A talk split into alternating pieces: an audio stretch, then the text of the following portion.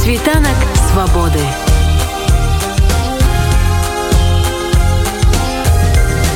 Світ вольнасці.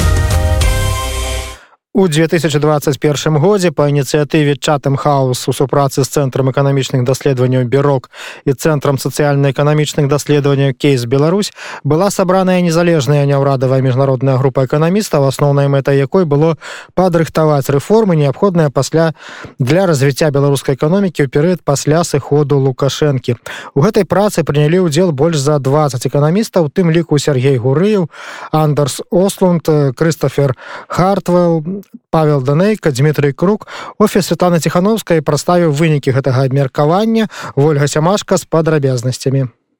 Азнаёміцца з поўным варыянтам прапаноў эканамістаў можна на сайце банка ідэй. Нагадаю, гэты партал быў створаны летась і там якраз збіраюцца прапановы для розных сфер новай Беларусі. Што тычыцца эканомікі, то аўтары даследавання адразу звяртаюць увагу, што правядзенне ўсяго спектра гэтых рэформ немагчыма ва ўмовах нелегітымнай улады і адсутнасці даверу з боку грамадства да дзяржаўных інстытутаў. У ідэале яны бачаць Беларусь краінай з адкрытай эканомікай, заснаванай на прыватным сектары з дынамічным высокатэхналагічным экалагічным прадпрымальніцтвам і дзяржавай якая інвестуе ў людзей праз адукацыю ахову здароўя а таксама забяспечвае роўныя магчымасці для ўсіх аказваючы дапамогу найбольш уразлівым сацыяльным групам акадэмічны дырэктар бюро кіў кацярына бурнукова заўважае самыя вялікія страхі звязаныя з будучыняй дзяржпрадпрыемстваў и лёсам их работников во-первых на сегодня госпредприятия коммерческие госпредприятия без э, общественных сфер таких как здравоохранение образования генерируют только 30 30% занятости. Во-вторых, за последние 10 лет эта занятость сократилась больше, чем на полмиллиона человек. Да? И мы не увидели всплеска безработицы. Мы, наоборот, увидели, что эти люди достаточно спокойно перетекли в частный сектор, который последние 10 лет бурно развивался. Более того, когда мы говорим про сегодняшние белорусские госпредприятия, да, они неэффективны, но это не советские госпредприятия, которые работали по госплану. Белорусские госпредприятия сами решают уровень цен, уровень зарплат, у них гораздо больше самостоятельности в принятии решений. Большинство госпредприятий экспортеров, они работают на конкурентных рынках, да, то есть то, что они все-таки привыкли там работать, это значит, что они гораздо более жизнеспособны, чем те госпредприятия, которые у нас были в начале 90-х годов. Что касается при приватизации, мы уже тоже знаем, какие методы работают, какие нет. Мы знаем недостатки тех аукционов, которые проводились в России, да, и их последствия. Мы знаем недостатки приватизации в руки рабочих заводов, потому что в итоге эта приватизация приводила к тому, что менеджеры все скупали у работников. Но мы зато знаем, какая приватизация работает. Приватизация с помощью фондового рынка, а, с помощью организации большого конкурса, такая как в Польше.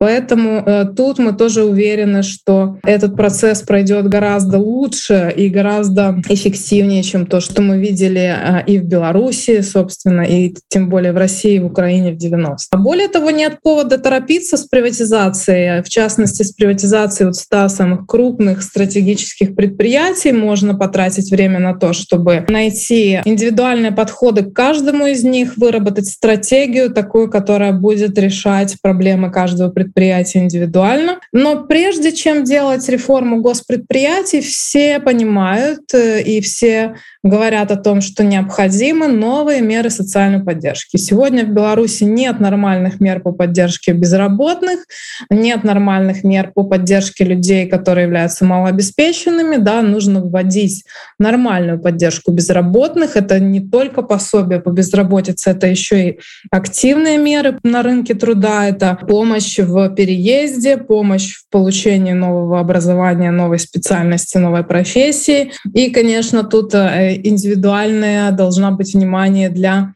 моногородов, которых в Беларуси много, и, в общем-то, для каждого из них э, можно падыскиваць соответствующие решения по ацэнцы экспертаў макраэканамічныя умовы у якіх будуць праходзіць рэформы хутчэй за ўсё будуць горшымі чым зараз але ёсць у нас спецыялісты якія здолеюць выправіць сітуацыю с одной стороны мы понимаем что скорее всего когда мы все-таки получим возможность сделать реформы, скорее всего, состояние экономики Беларуси, макроэкономической стабильности будет хуже, чем сейчас. Но с другой стороны, у нас есть достаточно людей с достаточным количеством компетенций, Э, знаний про белорусскую экономику, э, которые смогут быстро заняться макроэкономической стабилизацией. А размер экономики Беларуси, он такой, что поддержать ее гораздо проще, чем поддержать весь СССР был да, после развала. То есть э, СССР, в общем, никакой МВФ не мог помочь достаточно большим кредитом. С Беларусью это будет гораздо больше. Более того, относительно недавний опыт Украины, он как раз показывает западным странам, насколько важно, чтобы чтобы поддержка должна была быть достаточной, а в достаточном количестве, достаточно быстрой. И я думаю, что Беларусь как раз сможет этим пониманием хорошо воспользоваться. Міжнародная дапамога Беларусі павінна аказвацца як на ўзроўні палітычным, так уключаць і фінансавы складнік. Па словах дарацы Святланы Ціхановскай па эканамічных пытаннях Алеся Ляхновіча уже ёсць дамоўленасці з міжнароднымі арганізацыямі аб аказанні такой дапамогі. Яе аб'ём можа залежыць ад таго, якім чынам расціям паставіцца да беларус беларускіх пераўтварэнняў мы часто думаем что захад дапаможа гэта азначае что дасць нейкі крэдыт альбо э, грант але міжнародная дапамога гэта таксама палітычная падтрымка напрыклад падтрымка на тое каб хутчэй лібералізаваць свае рынкі напрыклад рынок еўрапейскага звязу для беларусі ці великкабритании ці ЗША канады так? гэта таксама замежныя інвестыцыі у беларускую экономіку хутчэйшае ўступленне беларусі у сусветную гандлёвую арганізацыю можа быть фінансавая падтрымка гэта стварэнне стабілізацыйнага фонду гэта крэдыты і гранты на развіццё прыватнага сектара гэта таксама рэфінансаванне дзяржаўнага доўгу пад меншы процент і на больш доўгі тыр многія ў беларусі баяцца того что калі Беларусь пачне дэмакратызаваць і лібералізаваць сваю эканоміку то наш усходні сусед будзе супраць уставляць палки і між іншым праз свой уплыў на знешні доўг беларусі свой уплыў на эканоміка беларусі можа шантажаваць таким чынам спыніць реформы і дэмакратызацыю і тут важно адразу пасля выбораў созваць конференцию крэдытораў беларусі і тых крэдытораў якія ўжо з'яўляюцца крэдыторамі і тых хто новы готовы рефінансаваць беларускі доўг і мы кажам не про тое что трэба аб'явіць дефолт по беларускаму доўгу не наадварот мы кажам что яго трэба рефінансаваць на больш спрыяльных ну ёсць таксама тэхнічная падтрымка гэта кансультацыі гэта дапамога у пошуку стратэгічных інвестараў для дзяржаўных прадпрыемстваў гэта напрыклад еўрапейскі банк рэканструкцыі развіцця можа аказаць падтрымка інвестыцыяў інфраструктуру. Гэта таксама міжнародная дапамога. Ёсць першы поспех у гэтым абшары. Гэта агучаны яшчэ ў палове году мінулага. Комплексны план еўрапейскага саюзу для новой дэмакратычнай беларусі упершыню такі план агучаны ўжо не для беларускіх уладаў а для новой дэмакратычнай беларусі то бок это не агучана для конкретнага палітыка это сапраўды для беларусі пасля правядзення дэмакратычных выбораў і гэты план ён даволі вялікі то бок яго вартасць это 3 мільярды евро альбо 6 процентов валовага унутранага продукту беларусі раскладзена на першыя гады реформаў прыкладна 2-3 гады.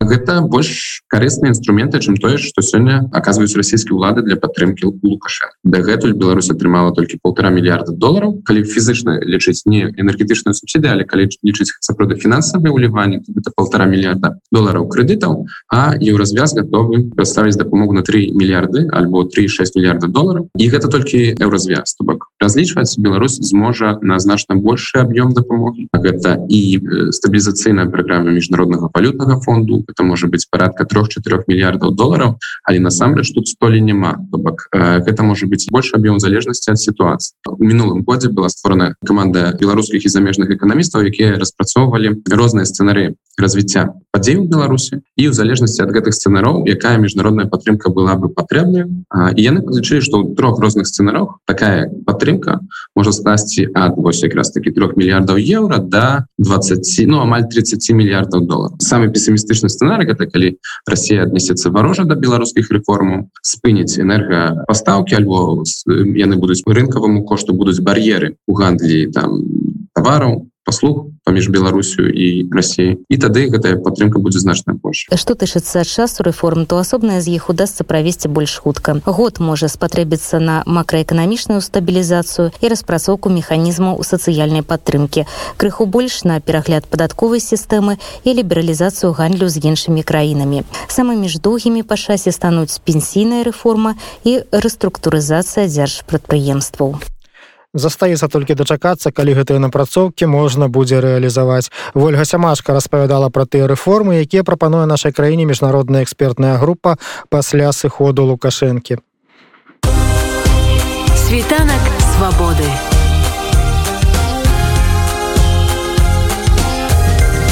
świt wolności